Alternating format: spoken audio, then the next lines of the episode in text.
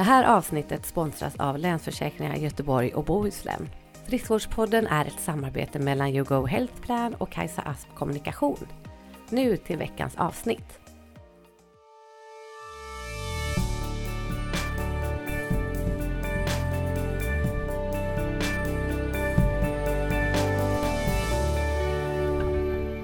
Hejsan hejsan! Välkomna till Friskvårdspodden. Idag är det ju torsdag faktiskt och imorgon när vi släpper detta är det fredag. Eh, och eh, detta är en, eller igår var en stor dag kan man väl säga. För nu har de eh, från Generation Pepp släppt Pepp-rapporten. Och för er som inte vet så är vi peppare, Just både vi från YouGo och från Kajsa. Asp kommunikation. Så är det eftersom är du det. har bytt namn. Ja, nej men precis. Nej men ja, vi pratar mer om det sen helt enkelt. Men den här gången, denna, detta avsnittet, så tänkte vi att vi skulle prata lite om barn. Och hur man hjälper barn till en bättre hälsa, till Mm. bättre hjärna faktiskt också.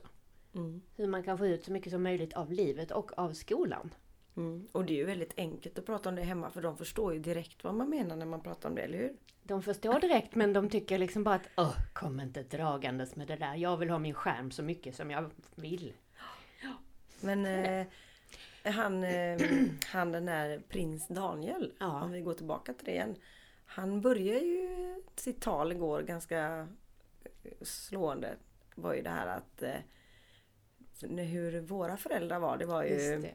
att man eh, Det är fick, väldigt roligt faktiskt. Ja. Mm. Kommer du ihåg den? Ja, absolut. Eh, Nej men eh, det är ju lite det här att vi... eh, Man pratar ju ibland om att sitta är det nya röka. Och det är ju detta att man på 60-70-talet så rökte alla och det var ingen som liksom tänkte på det ens utan man tyckte det som att ja, det är helt naturligt att röka och ingen fattade hur farligt det var. Och lite så har ju liksom stillasittandet fått samma uppmärksamhet nu de senaste åren. Mm. Att det, man har liksom plötsligt fattat att det är rätt farligt att sitta stilla så mycket som vi gör. Mm. Eh, Så, dels för sjukdomsrisk men också faktiskt för att kroppen utvecklas ju inte. Varken kroppen eller hjärnan är ju gjord för att sitta stilla så mycket som vi gör. Utan då är vi faktiskt... Börjar han sitt tal så här? Nej, det var inte alls så. Så här började det. För då var det ju inte Att, jättekul. nej, men det var, nej men precis. Ja, jag minns inte riktigt exakt. Ni kan ju kolla på, eh, på våran eh, Facebook-sida. Där finns det ju en liten film. Men det var väl i alla fall så att eh, man eh, Våra föräldrar sa det finns inget dåligt väder, det finns bara dåliga kläder. Man köpte godis, Godda, i en liten påse med Lite bubblor på lite och bubblor ingen på. botten. Nej, precis. Mm. och eh, Man Eh. använde inte säkerhetsbälte utan man Nej. låg gärna på hatthyllan bakom. Så. man gjorde ju andra farliga grejer och bland annat ha ingen cykelhjälm och det här. Men Mm. eh, nu har vi inga gränser riktigt när det gäller godis och läsk och chips och skärm och Nej. Nej men och särskilt så är det ju så att vi måste sätta de gränserna för oss själva. För innan var det ju lite så att affären stängde ju klockan 12 eller 1 på lördagen och sen var det stängt fram till måndag morgon. Mm. Så blev man sugen på eh, godis på lördag eftermiddag så var det ju kört liksom. Mm. Då fick man gå och ta en sockerbit istället kanske. Mm, typ. Inte så roligt. Men eh, nej men det, det är ju otroligt vad eh, liksom det här utbudet som vi har av både mat och skärmtid är ju liksom en, en fråga vi måste lära oss att hantera bara helt enkelt. Mm. Men det de har gjort här nu på Generation Pep det är ju att de har undersökt eller som kartlagt eh, barns, ungas eh, eh, levnadsvanor helt enkelt. Och särskilt då vad det gäller mat och motion. Mm. Och eh, de har kartlagt 11 000 personer mellan 4 och 17 år. Så att det är en otroligt stor eh, grupp som har liksom varit med om det här. Det är, Mm. Och sen är det ju så här, siffrorna är ganska hemska. Eh, det är mycket stillasittande, det är många som aldrig idrottar och sådär. Och det är sådana liksom, dåliga, farliga siffror trots att det är en enkätundersökning. Och många gånger när man gör en enkätundersökning så förskönar man ju sina siffror lite. Mm. Man svarar så som man tycker att man kanske, ja, man skulle vilja att det var så här. Ja. Eller att man... jag var bra på att kanske- springa för tio år sedan. Ja precis. Och jag tränar tre gånger i veckan. Mm, fast det var nog fyra månader sedan förra gången. Ja. Ja. Så att man, man kanske svarar så som man vill eller som man ja, Fast barn känns det kanske ärligare än vuxna när det gäller det. Om man ska, tänker jag. Kanske. Mm. En fyraåring sitter väl inte och hittar på för att Nej. han säger väl som det är. Nej precis. Och föräldrar, de har ju gjort det tillsammans med sina föräldrar då. Okej. Ja men då kanske Ja. det. Men så det som släpptes igår var ju en eh, pepprapport. Och eh, ja, den finns ju att ladda ner på generationpepp.se om man vill läsa hela. Men eh, det är ju, ja, att det, man visar ju också på en ojämlikhet i hälsan. Som jag tycker är ganska hemskt. Menar du också. eh, killar tränar med tjejer? Ja, det är skillnad Ja. mellan könen. Mm. Men det är också skillnad på hur eh, liksom, föräldrarnas inkomst och var man bor. Men det Så- har jag väl, var det inte det att jag pratade om det i samband med att jag hade varit sprungit i Norge? Drog inte jag upp det då? Att jag hade, var ju en lärare från Hovåsskolan här ute som vi är. Mm. Som sa så här, och hon var slöjdlärare. Och hon sa, ah, det är ju himla... Ja, barnen har extremt mycket runt sig för de har så mycket aktivitet. Mm. Och mammorna och papporna hämtar och det är mycket golf och tennis och fotboll och is. Ja det är allt och ridning. Eh, och den andra, mamma, eller andra löpartjejen som var med. Eh, Kajsa-Stina. Hon var lärare på Bifrostskolan i Mölndal och jag vet inte. Men ska vi säga att det är 12 minuter att köra dit kommer vi fram till. Mm. Och där var ingen, jo en i hennes klass hade aktivitet. Och eh, hon, gillar ju springen som jag och Mm. gillar att vara i skogen och barnen kan inte ens gå ut i skogen för de har aldrig gjort det. Nej. Så Men att, hur eh, gamla var barnen, vet du det? Vilken, Ja, men vilket, de, eh, eh, var det de- mellanstadiet eller? Ja, hennes klass var en femma. Mm. Och den andra tjejen hade ju, eh, slöjd har man ju från trean till nian. Ja, så hon det. hade ju liksom hela Ah, spannet ja. i stort sett. Mm, det. Så, och då är det så litet avstånd tänkte jag. Mm. På eh, var vi bor. Mm. Och det finns ju lika många fotbollsplaner i Mölndal som i säkert fler. Jo men faktiskt, ja. Nej för det ser de ju också att barn gör ju som vi gör och inte som vi säger. Det är ett gammalt slitet uttryck. Mm. Men att eh, barn till föräldrar som är aktiva och har en aktiv fritid, de är- också mer aktiva. Mm. Så att man föds ju liksom in i, man kan födas in i rätt familj kanske. Mm. Eh, nej men eh, sen är det ju också så att man eh, redan i 9-10 års åldern så börjar idrottandet, den organiserade idrotten eh, sjunka och ut. droppa Ja, av liksom. Och det är väl, det är ju många gånger så att man väljer sin sport i den åldern. Att man kanske har haft två, tre olika aktiviteter men så blir det så många träningstillfällen i veckan på varje sport. Och det blir också kanske dyrt att vara med i många olika föreningar. Så därför måste man liksom tvingas välja väldigt tidigt. Mm. Och det är också väldigt synd. Mm. För dels så kanske man inte vet egentligen vad man vill. Den åldern så väljer man kanske mest för att kompisarna är där. Mm. Så det är kanske först framåt 14-15 års ålder som man faktiskt väljer idrott utifrån vad man själv vill göra. Mm. Så att det, mm, Ja, då är man inte med i en klubb då där man blir bortplockad för Ja. att man ska satsa. ja men verkligen. Det är ju också normalt. Mm. Helt sjukt. Lite konstigt. Väldigt Men eh, sjukt. det är ju verkligen så för bara att man själv är upp, Jag är uppvuxen i en aktiv familj och så är jag aktiv. Eller vi. Och mina barn är det. Men det är också så här att man kanske måste vara lite hård där som förälder för ehm, det, det finns ju en, alltså Fastän, vi kan faktiskt ta ett exempel, Nalle, som är så extremt, eh, älskar sin sport. Men han kan ju ibland vara så Åh, jag är så himla trött och så. Det är bara liksom på med skorna och sen vet jag ju efter en halv sekund när han är på planen så är han ju Men jag tror att man som förälder måste pusha på där lite. Mm. Precis, och att man kanske inte bara liksom tar det första nejet. För att det är ju ofta så, så kan man ju vara själv också, att Mm. man är mitt uppe i någonting, då vill man inte avsluta det och börja liksom ställa om huvudet och säga att nu ska jag göra det här istället. Utan de är ju så mycket i sitt projekt liksom. Mm. Och särskilt om de då sitter och spelar så att hjärnan får en massa kickar hela tiden. Mm. Så är det ju självklart att man vill sitta kvar där. Men eh, att man kanske inte tar det första nejet utan man frågar, liksom, man säger till igen då, som om fem minuter senare att ja, men nu är det faktiskt dags att göra sig i ordning så vi kan komma iväg här i tid och så. Mm. Ehm, så eh, tycker de det är kul ju när man faktiskt väl gör det. Ja. Ehm, Ja, ja. jag vet inte. Jag, det är bara jag råkar ju tycka det är kul. Och då tror jag att det smittar av sig att Mm. de tycker det är kul. Och att man själv som förälder engagerar sig. Men det är ju, Jo. det är ju, det är ju inte självklart. Man måste ju liksom också prata med sina barn så de... Alltså, det får inte vara mina intressen. Nu råkar det ju vara så att de gillar mig. Så på något sätt har jag väl styrt det. Men att om det är så att man har... Om jag skulle haft en dotter som älskar dans så får man ju liksom hänge sig lite åt det. Det är ju inte jag för att de ska fortsätta så det inte blir så här du ska spela hockey för jag spelar hockey eller du ska spela fotboll eller tennis för att jag. Utan det måste och jag tror att man också ska se på det här med lagsport. För jag märker väldigt mycket på Olle som är 16 hur himla kul de har de här killarna som eh, spelar innebandy. De hänger ju jämt. Och de skrattar ihjäl sig även över eh, skärm eller så här, de pratar den här högtalaren. Eller hörlurarna som det heter. Mm. Men det, det låter så himla redigt när vi står här och bara... För det är inte alltid...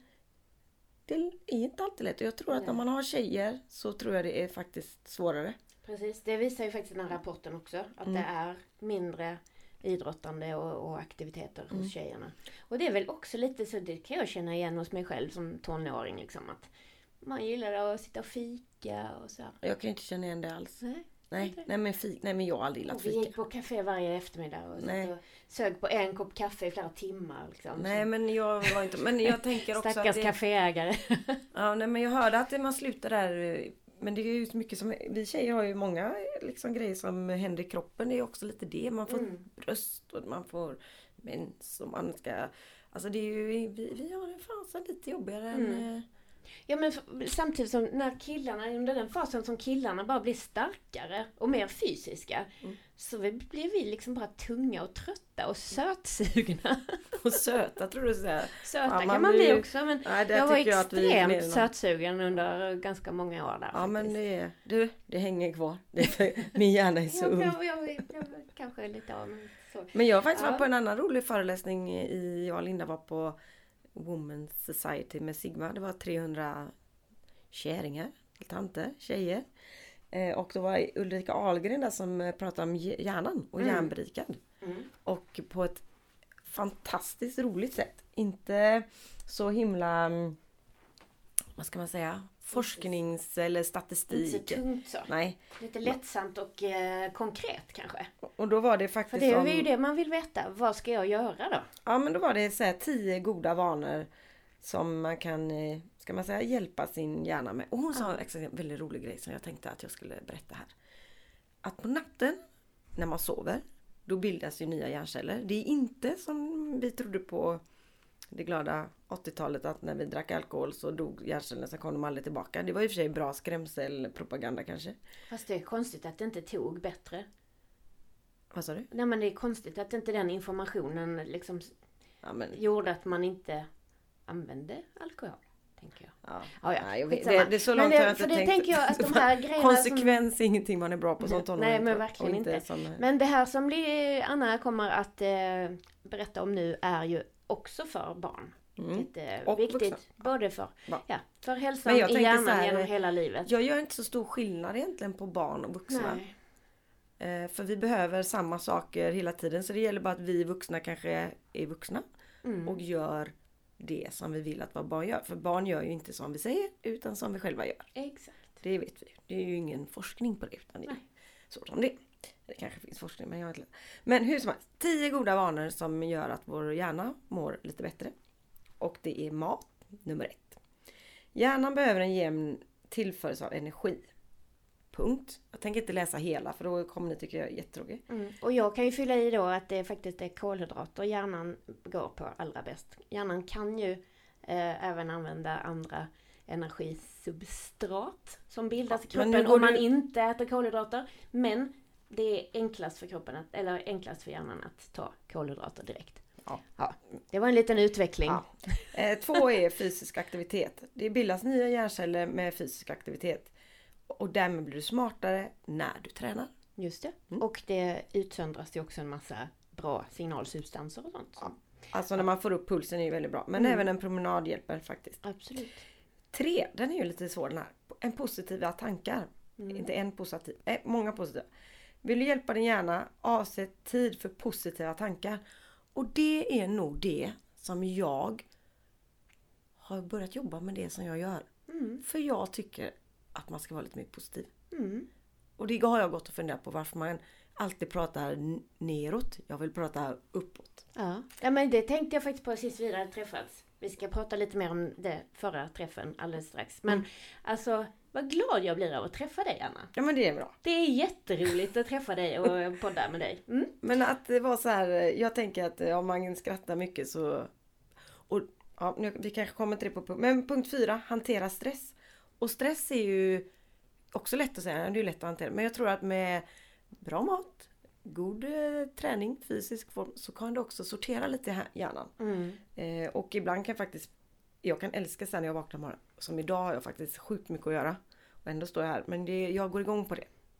Ja. Men, sen att få kontroll över sin stress är det vi, pratar om. Mm. För det är ju inte kul när man har haft stressiga situationer när oh, jobbiga grejer. Nej men precis. Men många gånger så tror jag att de här vanorna som gör att man hanterar stressen bättre, de prioriterar man bort när man är stressad. Mm. Så därför blir man ännu mer stressad. Ja, Hade man liksom hållit kvar det där med att man motionerar och äter vettiga saker så kanske kroppen inte blir riktigt så Fast det är väldigt lätt att säga tänker jag Ja. nu när någon lyssnar bara om man inte mår bra, det har hänt Mm. någonting som är jobbigt och det bara ramlar på mer och mer och mer, och mer. Då är det ju inte jag går ut och springer i skogen en timme. Det kanske Mm. det sista, egentligen är det så här, det sista du gör då är, jag har själv varit i den situationen. Och då, jag har aldrig tränat så lite som när jag mådde dåligt. Och jag har aldrig mått så dåligt som jag var på ett jobb där jag hade en chef som var knäpp. Mm. Så behöver vi inte prata mer om det. Nej, men alltså det är ju ändå så att man faktiskt även skriver ut fysisk aktivitet på recept Mm. för de som har lättare depressioner och Men nu går vi till problem. punkt fem. Jajamän. Gud vad Lära jag sig, avbryter Anna hela Ja. tiden. lära sig nya saker. Det är också någonting som jag gillar. Att man bara, ja men jag är med. Mm. Det finns bara en grej som jag är lite svår på nu.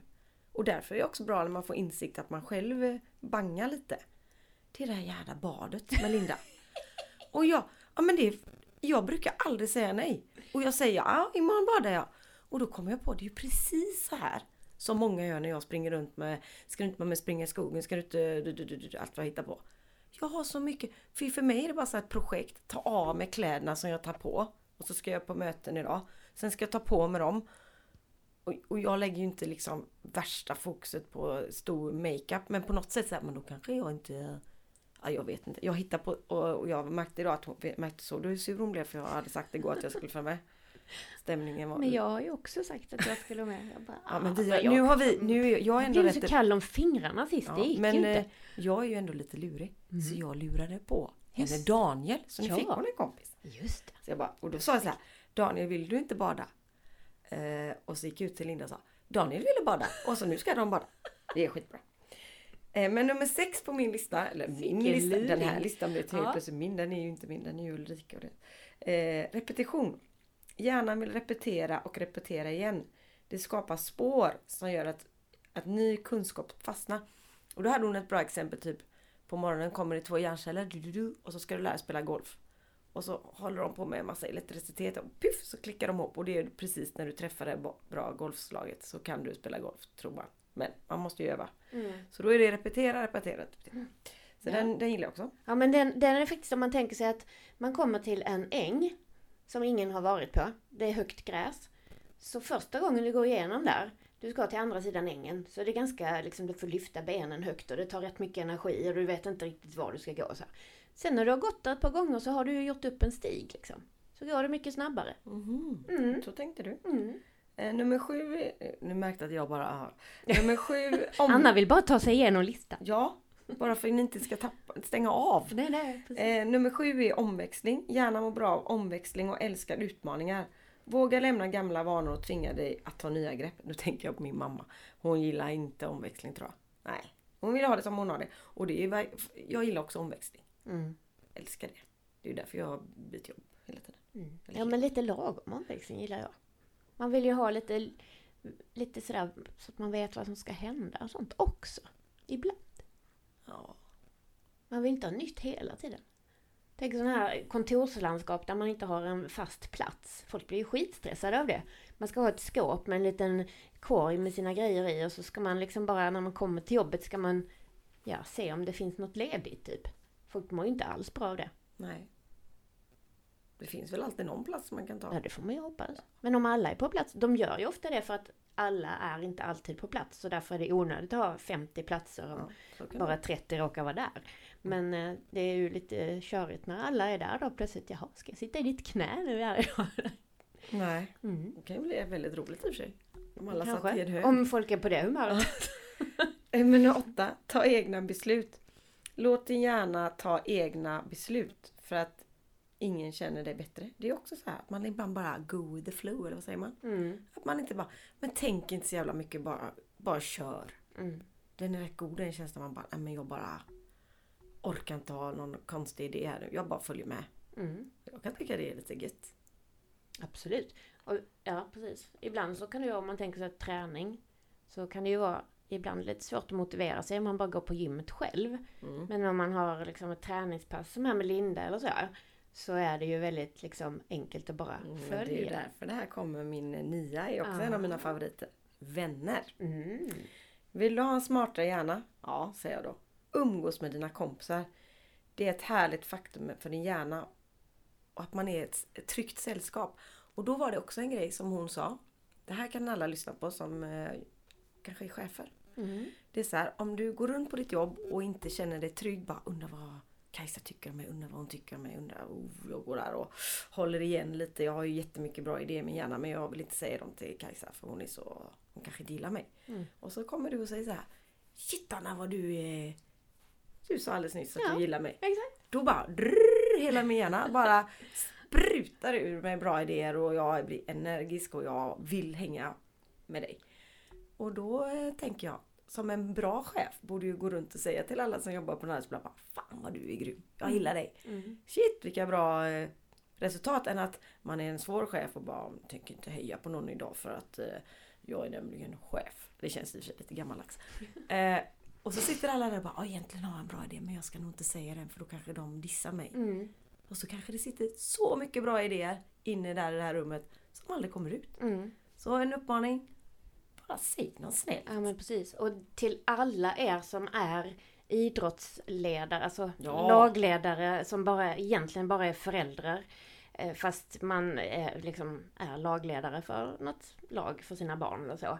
Att det är så oerhört viktigt att skapa liksom det där kittet mellan barnen så att de känner sig trygga och vågar prova. För att annars, om ingen vågar satsa och, och skjuta så blir det aldrig några mål. Om man är rädd för att misslyckas i den situationen så är det ju ingen som vågar. Nej. Så, och det pratade vi faktiskt om när det var senaste mästerskapen i handboll. Minns inte om det var EM eller VM. Eh, men då sa min, eh, Viggo, min stora kille, han bara "Ja, konstigt, Lukas Nilsson han spelar ju mycket bättre när han spelar med landslaget än när han spelar i sitt klubblag. Och, och det är något lag i Tyskland, minns inte vilket. Och sa vi det, att men det är kanske så att han trivs så himla bra här med de kompisarna och det är liksom ett gött gäng som de har känt i många, många år och så. Och att han liksom, han hittar sitt flow där bara för att han Mm. mår bra. Eller så är det ju lagledaren tänker jag. Ja. Vi, jag spelar ju innebandy på ganska hög nivå. Och då hade vi en lagledare som hette Kenneth. Mm. Han var fan grym. För han sa så här till mig. När han såg mig när jag kom eh, stressande som en galning från jobbet. För vi var ju gamla. Eller 28 säger vi. Anna, jag ser idag. Du är så jävla, du kommer vara så jävla grym idag. Du, alltså, du har hela mitt förtroende på att du du kommer fixa det idag. Mm. man bara, "Pff." man, jag var ju stor som ett hus när jag kom in i omklädningsrummet och bara tittade på de andra och bara ja, här sitter kärnan i laget. Och sen så gick det ju ett tag och sen så hade vi, vi hade ju ganska mycket fest också kan jag säga. Och då kom vi på det att han sa ju så till alla. Mm. Så alla gick in i det omklädningsrummet och bytte om till sin eh, spelardräkter. Dräkter. Ja, tröjor. Satt ju där och bara hade sånt jäkla självförtroende. Ni hade sån u- osynlig superman-mantel. Och då hade vi det allihopa. Sen när vi gick Mm. ut på plan och bara Idag tror han på mig. Mm. Så gjorde ju och vi var ju grym. Alltså vi, vi gick ju upp i division 1. Mm. Vi bara slog så här bra lag och vi hade så jäkla kul och så och sånt självförtroende för att han gav ju det till alla fast ändå lite individuellt. Mm. För då tog man ju verkligen något så här, man säger jag tycker ni är så bra. Det är ju Mm. bra ibland att bara Ja punktmarkera men lite. precis. Ja men Det var verkligen. smart. Ja precis. Och kanske också att man eh, liksom hittar någon liten detalj som de har gjort riktigt bra. Så att de får bli ännu mer nöjda med just den detaljen. Mm. Så föder det ju ännu mer. Liksom. Mm. Jag kommer inte ihåg om han, det kanske han gjorde. Jag kommer, jag kommer bara ihåg eh, att vi var så, vi hade så kul för vi Mm. var ju så grymma. Mm. Sen har vi punkt 10. Och det är sömn. Mm. Eh, sömnen är avgörande för att hjärnan ska kunna återhämta sig. Så på natten när du sover så får man ju nya hjärnceller. Och till dem ska man säga Hallå! När du tittar i spegeln på morgonen Mm. och ser vraket framför dig. Så har du ändå fått nya kompisar på natten. Mm. Och de ska bra. du gilla. Så kommer vi upp till den punkten vänner igen också. Mm. Bara det. Man ska vara Precis. snäll mot sina kompisar. Ja, Nej, men den här listan finns då på, vad heter den? Järnberikad.se. Järnberikad.se. Ja. Grymt. Och eh, Det tycker jag var många bra tips. det, hon var grym. Mm. Om ni ska ha en föreläsning på era arbetsplatser så eh, ring mig så ska jag vägleda. Nej men Ulrika hon var väldigt härlig. Ja men perfekt. För det här är ju inte bara saker som är bra för hjärnan egentligen. Utan det här är ju saker för att vi ska må bra psykiskt och må bra i livet. känns det inte som att hjärnan är Det är väl hjärnan där? som styr alltihopa. Ja jag känner att den är, den är lite inblandad. Men Den är även hjärtat och Ja. Men hjärnan är det enda organet som eh, ehm, liksom utvecklas och förändras. Alla andra är ju, vill man ju ha dem som de är. Mm. Hjärtat vill man inte att de bara "Huh, nu kör lite andra pumpningar. Men så här, man vill ha det här, Man vill inte att hjärtat ska vara så himla kreativt. Det nej, ska det, är bara, ska, det ska bara också. tuffa på liksom. Mm.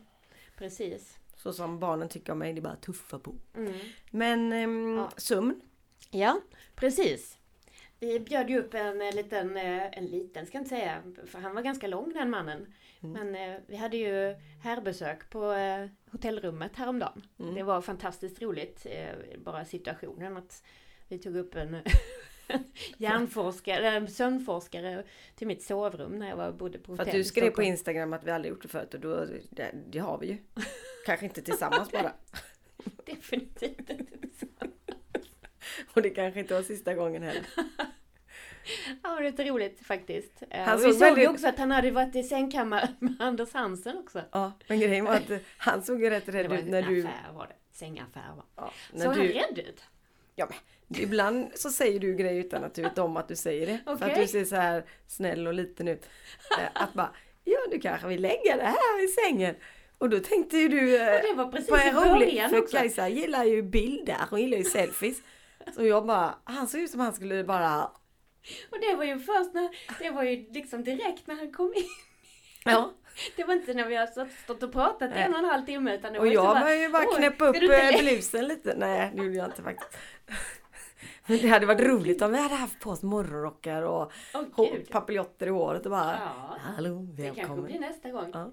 Du förresten, på tal om bilder. Jag hörde på radion på vägen hit att under en livstid, alltså den generationen som är våra barn nu. ehm, under en livstid kommer de att ta och lägga upp ungefär 25 000 selfies. Du ligger inte långt efter. och ändå Men är du, du du har gammal. lite igen. Ja, jag har lite så. Ja. Ja. Nej, men härligt. Jag måste ju också, ja, vi, som sagt, vi pratade ju då med Christian Benedikt om eh, sömn. Och vi tänkte faktiskt, vi tar in en liten del av det nu när vi ändå pratar om barn. Mm. Så eh, låter vi den delen. Lyssna lite här nu på honom. Mm. För han är bra. Ja. Fast han är tysk. Så Just man får det. lyssna. Spetsa öronen. Det gäller ju också till exempel de här tonåringarna, den här sovmorgonsdiskussionen. Bara på grund av att vi har gjort det alla de här åren betyder det ju inte att det är korrekt, eller hur? Och man måste, och man måste ju också med sovmorgon, när, jag, när vi pratar om sovmorgon, det är ju så, man måste snabbt um, berätta er lyssnare. Det är ju så att de som går genom puberteten, de blir mer genomsnitt um, kvällsmänniskor. Och det gör det ju svårt för dem eftersom man måste ju ändå gå upp tidigt under morgonen men deras biologi inte tillåter dem att känna sig sömnig tidigt under kvällen så de löper en större risk på grund av samhällets rytm, så att säga, eller rytmen inriktat mot morgonmänniska att de sover inte tillräckligt och de behöver ju ändå mycket sömn för hjärnan går igenom ganska mycket förändringar. Det, det, pubertet är ju också en väldigt period av livet där du vidareutvecklas, så att säga, din personlighet kroppen växer, visar ganska mycket tillväxt, du blir en vuxen, ja, och, och, och.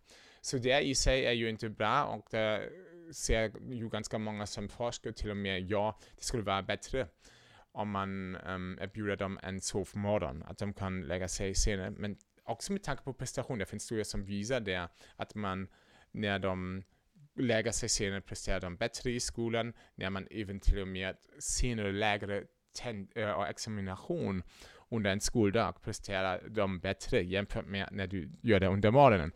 Men nu kommer vi tillbaka till detta. Där ser ju ganska många, men jag var också en ung person och fixade, eller klarade av skolan och nu är jag professor eller sånt, så det är ju skitsnack.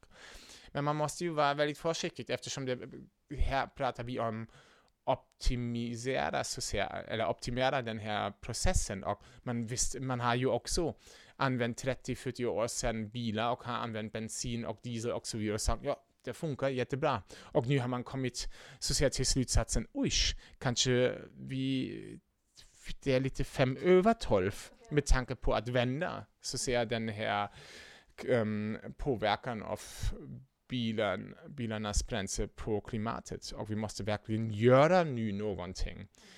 Så, mm.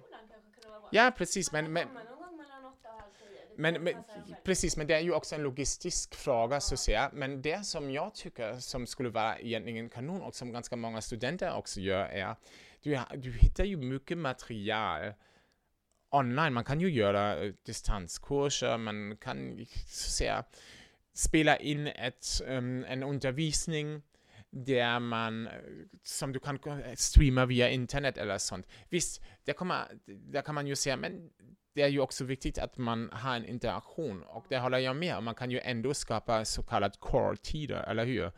Um, core times där man måste komma och som gynnar så ser alla till, um, till en viss utsträckning. Men den mesta tycker jag kunde man ju kunde man ju göra på sånt sätt att man säger okej, okay, här har du så ser ser du kravet, det är så att säga de här ehm, um, lektioner som du måste kolla och du måste kolla dem och du måste logga in dig och även um, ehm, tekniskt är det möjligt att spåra, att kolla att de har gjort det. Ja. Sen kan man, är det ju också viktigt när de gör det på sånt sätt att de blir mer så att säga autonom. De, de, de börjar väldigt tidigt att förstå att jag måste också ta ansvarighet för mig. Det är, jag måste så att säga gå igenom alla de här lektionerna för att få den här kunskapen som krävs för att klara av en tenta, alltså förstå vad jag menar. Och man vet till exempel med studenter, de använder det ju ganska mycket, ja, ja, de här flextider. Och vuxna gör också det ganska oftast, att anpassa det lite bättre, men de här tonåringarna, det gör vi det inte alls. Nej, för han går i nian, mm. och han gör jättemycket inlämningar som han kan sitta hemma för, ja, om man hjälper. Yes. Ja, och lämna in. Vad, vad gjorde du i skolan? Men läraren var inte där. Fast de måste ändå vara där åtta, fast det är nog mycket dödtid. Så jag tänker att om du gör så som du säger så kanske de kunde börja halv tio. Så jag tycker också det är viktigt att man har eh, så som du säger, man umgås och hela den här biten. Men man kanske har en, ja men lite så. Jag tror, och jag tror inte det är svårt att fixa. Nej, och, och en annan grej är ju också, man, man vet ju, det har kommit ut nu en studie som har till exempel visat att hjärnans koppling, kopplingsmönster, ja, som kallas function connectivity, um, så de kopplingsmönster mellan olika hjärnregioner, den är, lite annorlunda ut bland de som är mer en kvällsmänniska jämfört med en morgonmänniska. Och där tror man, ah, det kan ju också det ser lite trögare ut under dagen, under de här så säga classical 9-17 times, så en vanlig arbetsdag. Då kan man ju tänka, hmm, där kan de kanske inte prestera på, på, på, samma sätt, fast de kunde det, eftersom du väljer en tidsfönster för dem som passar inte dem. Och, men jag skulle gå vidare, det betyder ju inte att alla kvällsmänniskor kan inte prestera bra under, bra under dagen, även om det är en vanlig så säga, arbetsdag. Men det som jag tror är att vi måste förstå att vi alla har en viss um, vi har tidsfönster under dagen där vi når vår work capacity. Det betyder, där kan vi prestera bra, där kan vi ta upp mycket. Och det är ganska individuellt. Det kan vara annorlunda för dig och för dig och för mig. Och den ska vi utnyttja. Så om jag känner att ah, nu kan jag verkligen prestera, nu känner jag mig redo, bums, då kan jag gå igenom alla de här så att säga online möjligheter för att lära mig de här, plugga alla de här, eller skapa alla de här kunskaper. Det måste ändå finnas de här core times där man ses och kan också prata genom detta som man har till exempel har gått igenom om man har vissa frågor. Hej, jag har inte fattat det, kan du förklara det eller sånt? Där måste man ju också möta en lärare. Men hur som helst, Sen är det ju så att du har då igen vissa tidsfönster, mellan de här tidsfönstren där du känner så ser den här förmågan att um, ja, bearbeta information, att lära sig någonting, att blogga. Har du tidsfönster emellan där du kan inte alls göra det. Men vi ändå vill att våra barn sitter då i skolan från 8 till 16.00 med en liten lunchpaus och blogga, blogga, blogga, blogga. Och det, jag tycker det är det är svårt. Och, men, men, men, men igen, ja, man, man kan ju diskutera det utifrån en vetenskaplig perspektiv. Det är ju ändå också en fråga, hur lätt kan man implementera detta i verkligheten? Gött, nu är vi tillbaka igen. Yes. En grej med den här eh, eh, Benedikt. Mm, Vi fick ju inte mycket sagt, det är nog därför vi är så pratsamma idag. just det. Herregud, det bara bubblar hela mitt bröst. Bara, Ja, men man stod där och bara, oh, jag har en fråga. Men det är liksom, oh, men det är nog så med sådana här smarta. Han- människor. öste ur av kunskap faktiskt. Mm. Jag hade så mycket prat i bröstet så det på att sprängas. Ja, nej men nu har vi hört lite mer om det här med liksom sömn för unga då. Och ehm, jag måste ju komma tillbaka till det här peppträffen som jag var på igår. För det var ju dels en träff med sådana här peppare som vi är.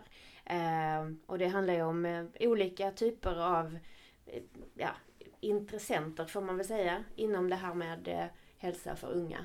Så det var ganska många sådana här typ, eh, kanske eh, idrottsföreningar och några som, det var lite spännande för just det här med, med socioekonomiska skillnader. Där fanns det vissa där som eh, de hade ju liksom sett till att samla in skor. Jag vet inte om det är typ re, rea-skor som inte har blivit sålda och så här. Alltså företag som har skänkt skor. Eh, och även träningskläder. Så att man behövde inte köpa någonting för att vara med i en löpargrupp till exempel. Som fanns där i någon förort till Stockholm. Så.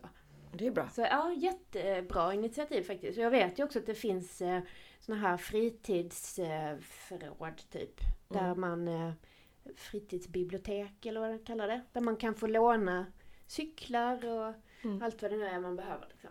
Så att det inte ska vara ett hinder. Nej. Så det är ju jättebra. Men sen på kvällen där så var det ju release av den här eh, rapporten. Eh, PEP-rapporten. Eh, och då blev jag ju helt starstruck faktiskt. Mhm. Alltså prinsessan Victoria. Kronprinsessan. Kronprinsessan Mm. Victoria.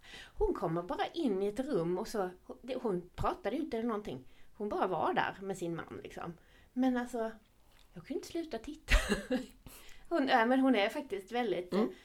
Alltså på, hon utstrålar någonting som, alltså otroligt Som bara en eh, prinsessa gör. Ja, kanske. men lite så. Ja. Och att man verkligen ser att hon är ju så intresserad av människor på ett väldigt äkta sätt. Liksom. Mm. Hon är Jag precis vågade som sin inte pappa. prata med henne. Jaså, Nej, det vågar jag inte faktiskt. Men jag pratade med Carolina Klüft däremot. ja, hon är också härlig. Också härlig människa. Mm. Väldigt mycket. Mm. Härlig energi. Och Mm. eh, hon brinner ju verkligen för sitt nya jobb som verksamhetschef där. Mm. Mm. Det är bra. Vi har ju lyssnat på en podd, jag tror jag... Men då kan man ju Gjorde- tänka så här. Om till och med kungahuset tycker en sak. Ska Mm. vi inte liksom. Det är ju ändå en bra sak. Att vi ska vara hälsosamma. Det är ju inget Mm. så här, tråkigt. Det är ju ändå bara synd då att kungen inte har så mycket att säga till om. Men eh, vi kan ändå lyssna lite. För det är ju, är ju... Och jag tänker att man behöver inte vara så... Det är inget farligt med att vara... Och hälsosam tycker jag ibland kan låta så Det är jättetorrt liksom. torrt. Ja. För att det väldigt låter så här, nu ska vi fiberrikt, liksom. bara äta sånt. Nej, Och- nej. Men det är mer, det vi eh, pratar om hela tiden. Att lägga till bra saker. Lägga till en promenad. Lägga till en näve grönt. Mm. Eh, ta ett äpple på eftermiddagen. Alltså det Mm. behöver inte vara Nej, det var inte så krångligt. svårt. Nej. Och att man också... För jag tycker fokus, det, det är liksom lite anledningen till att jag har valt att gå med där. För jag tycker att det är alldeles för mycket fokus på vad vi inte ska äta. Mm. Man ska undvika det och det E-numret eller man ska undvika kolhydrater eller gluten eller vad det nu är. Alltså tänk istället för vad maten ger dig till kroppen som du behöver. Mm. Vilka näringsämnen och vilken energi och vilka fetter och sådär. Mm. Så att hjärnan får sina grejer, kroppen får sina grejer.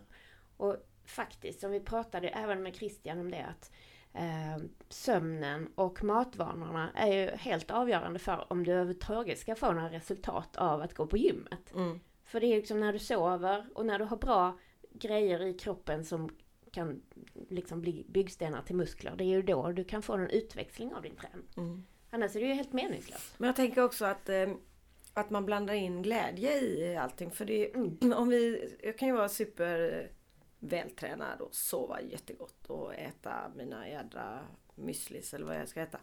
Men om jag inte har kul Mm. och inte umgås med mina vänner så då kanske man får nagga lite på de grejerna i, i de sammanhangen att det är en, ett kalas. Eller. Vi hade faktiskt ett jättekul kalas förra fredagen med Erik då som också sitter här på The House. Och han är ju så här, satsar verkligen på sitt triathlon. Mm. Och, eh, eh, och jag, alla där är ju liksom hälsosamma på ett bra, eller ja. Men det blev ju sån eh, jättekul kalas. Då får man ju ta den smällen dagen Mm. efter. Men det, man, ibland måste man liksom, vi skrattar ju ihjäl oss liksom. Ja, men Det är blev jättekonstigt. Skratt är jätteviktigt. Ja, så jag tänker att man inte ska ta bort att man bara, vi ska bara göra det här, vi måste gå och lägga oss klockan nio, vi måste det. Måste, alltså man liksom får lite flow i det. Mm. Jag tror att det är viktigt. Precis, och sen just det här ordet måste, det är ju helt förödande. Mm. Vi pratade ju mycket med Karin Nileskog om det Mm. eh, i några avsnitt sen. Just det här att man säger att man måste, då får man någon slags aggression mot det. Mm. Man vill inte om man säger att man måste. Utan man säger att nu vill jag det här. Mm. Och då blir det ju för mig. Liksom. Då blir det Mm. för min skull och inte för att man gör det för att någon annan tycker att man borde eller så. Men han, då kan vi säga han eh, Benedikt där, då kan vi tänka på det för som jag, nu, nu, nu låter som jag, jo men jag gillar ju faktiskt fest. Om man vet att man ska gå på fest på fredag så kan man ju samla lite sömn sa han. Just Nu snackar han inte om fest, han snackar om eh, elitidrottare för man ska till en tävling. Om också Men du är ju sån elitfestare. Ja men typ. Nej men jag tänker bara att man, jag vill liksom att vi ska få in ett så här Alltså jag tränar ju men ibland, alltså om jag vet då att jag på, ja nu gjorde jag inte det inför fredagen för jag trodde inte det skulle bli så men om jag vet om att jag ska gå på värsta 40-årskalaset då. Så är jag faktiskt fortfarande bjuden på ibland, det är helt otroligt. Eller 50. Så eh, kanske man ska samla upp lite och leva lite bättre dagarna innan. Och så kanske man kan, nej inte kanske, så nu ska lever du. man bra hela tiden och så, ja. Nej men jag, jag menar om man är väldigt, eh, inte som jag, jag har ju inte ens tänkt så. Men jag tänker om man är väldigt så här tränar och äter och sover och gör allting perfekt. Men så för att inte, för man måste få in det lite tänker jag. Mm. Och då kanske man ska eh, spara upp en liten sekt här och så kör man all in på det och sen så är det ny dag och då börjar man om igen. Mm. Det är ingen som dör av det. Nej. Men när jag var ganska då, jag har ju Jag menar inte att man ska tumma barskåpet. Jag menar bara att man ska gå dit med glädje och liksom bara äta det som bjuds och slapp, slappna av. Alltså känna... inte du behöver så- inte bli... Ursäkta mig men inte vara så skitnödig. Ja, typ. Ja, Får jag man- tala ren svenska. Ja. Nej men... Ja, men ni eh, fattar vad jag, jag tänkte så här när jag, för jag har ju varit dietist i 25 år. Så låter kul. illa är det. Nej men alltså när jag var ganska ny så trodde jag att matvanorna var allt liksom. Bara man åt perfekt och då gärna fettsnålt, fiberrikt. För det var så man pratade om det på den tiden. Eh, om man bara liksom gjorde det så, var, så behövde man inte göra någonting annat för sin hälsa. Då pratar man inte så mycket om, om träning så heller. Eh, Men att eh, det, det, jag har ju helt ändrat synsätt där får man säga. Alltså Mm. helheten är ju allt liksom. Du kan ju inte, du, ja, du Nej. blir ju väldigt asocial om du är väldigt eh, liksom begränsar dig själv i vad du liksom tillåter dig själv att äta Mm. eller dricka till Det exempel. är tråkigt att lägga sig... Ja. Men jag tänker på, det finns ju faktiskt så här nu när vi står här, barn ska äta grönsaker, barn. Mm. Alltså det finns ju faktiskt väldigt ba- många barn där föräldrarna eh, hackar tomater och Mm. Men de inte vill ha och då kanske man också inte ska stressa upp sig över det. Nej. För det löser sig. Mm. Min, min systers son åt bara eh, fiskbullar i dillsås på burk. På riktigt. Mm. Och han eh, lever idag. Hur Och länge gjorde han det? Jättelänge. Jag, jag, min, jag vet att vi var på, på semester, jag kommer inte ihåg var vi var, Grekland eller så här. Och då åt han ju ingenting, han åt ingenting och min syster var ju helt hysterisk. Eller det, nej. Hon var liksom, det var jobbigt. Men då hittade min pappa en jävla snabbaffär. Mm. De hade Abbas dill. Sådana på burk för typ eh, 100 kronor burken. Men eh, jäklar. Och så, så då var vi ändå, då måste han ju ändå varit... Men 10? Mm. Och jag, eh, min syster har berättat att det var någon gång han i skolan hade ätit någonting annat utan det. För hon fick väl köpa med det eller om de, de hade det. Att de kom utspringande hem, typ hela klassen bara Erika, Erika, Hampus har ätit i matsalen idag. Så det var ju många år alltså. Mm. Tio år. Mm. Och nu äter han ju avokado. Mm. Nej men han äter allt möjligt. Ja, men mina har ju också varit ganska så här tveksamma till nyheter ibland och sådär.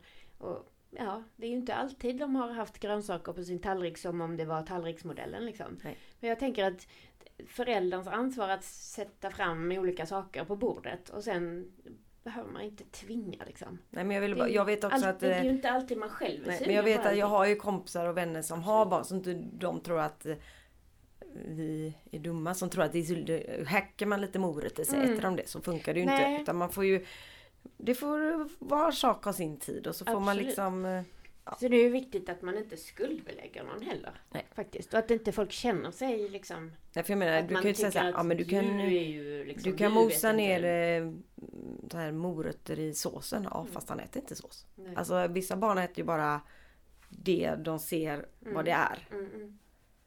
Så vi, vi, ska in, vi är inga skitnödiga kärringar här. Ja, nej men ehm, vad ska vi... Jo, just det. Det är faktiskt också lite intressant. Ehm, I den här rapporten så står det också att det är många som vet vad som är nyttigt, även bland barnen. Fast man väljer det andra ändå. Mm. Så att kunskapen är inte riktigt det som avgör. Nej. Och då tänker jag också att det är så otroligt viktigt liksom vad man har för utbud i idrottshallen och vad det finns för såna här typ eh, snabb såna här eh, Ja, innan fanns det ju bara risifrutti typ. Mm. Nu finns det ju också typ knäckebröd med lite Mm. grejer i och ja, det kommer mer och mer sådana Mm. enportionsförpackningar. Mm. För det är ju, ja, det är ju ibland så att man, eller det är ju ganska ofta så att man kanske inte har planerat sitt mellanmål. Utan man är lite utlämnad till vad som finns på Mm. plats. Så att utbudet och tillgängligheten är ju jätte, jätte avgörande liksom.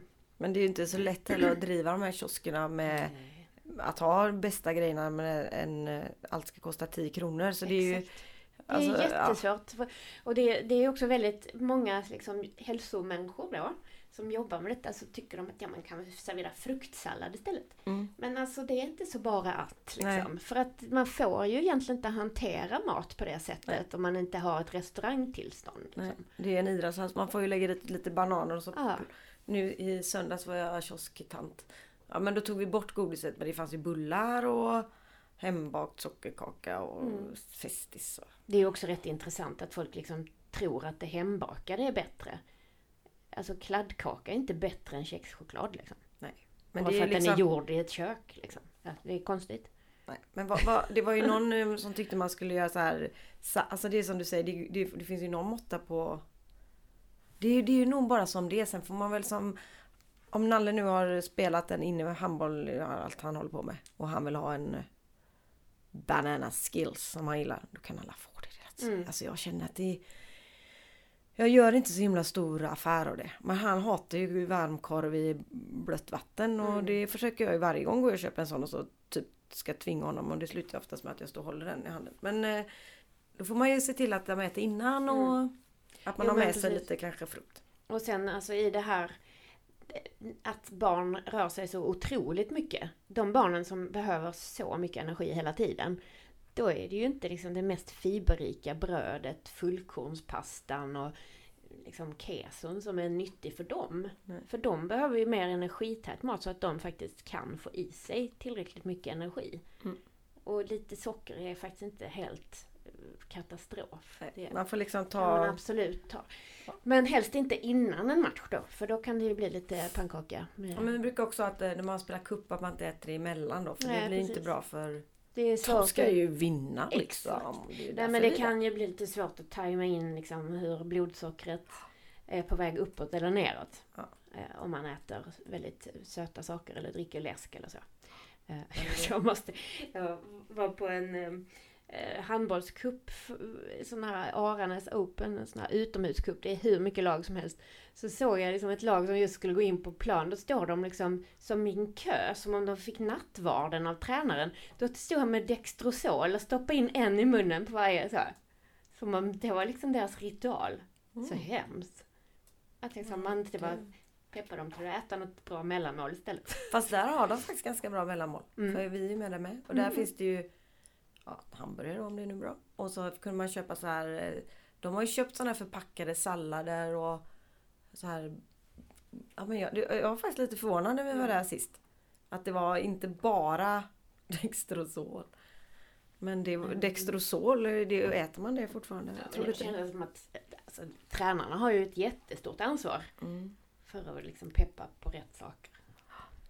Ja, Mm. men du... eh, Ska vi säga något mer om den här? eh, Nej. Nej, vi Man kan ju däremot eh, gå in på deras hemsida Exakt. och ladda ner den själv och läsa den. Och för sina... Men det var ju Ja. faktiskt en grej som du var inne på. Det var ju så här att man ska faktiskt inte förkasta eh, skolmaten. Nej, precis. För det har de också skrivit i den här Precis. rapporten. Det är ju faktiskt så att om man tänker jämlik hälsa och vi ska jobba för att alla, alltså det här det finns ju ett mål som säger att vi ska eh, sluta hälsoklyftorna inom en generation. Eh, och eh, det innebär ju att vi ska jobba liksom lite mer på samhällsnivå för att det ska bli lättare att äta bra mat och röra sig mer och så.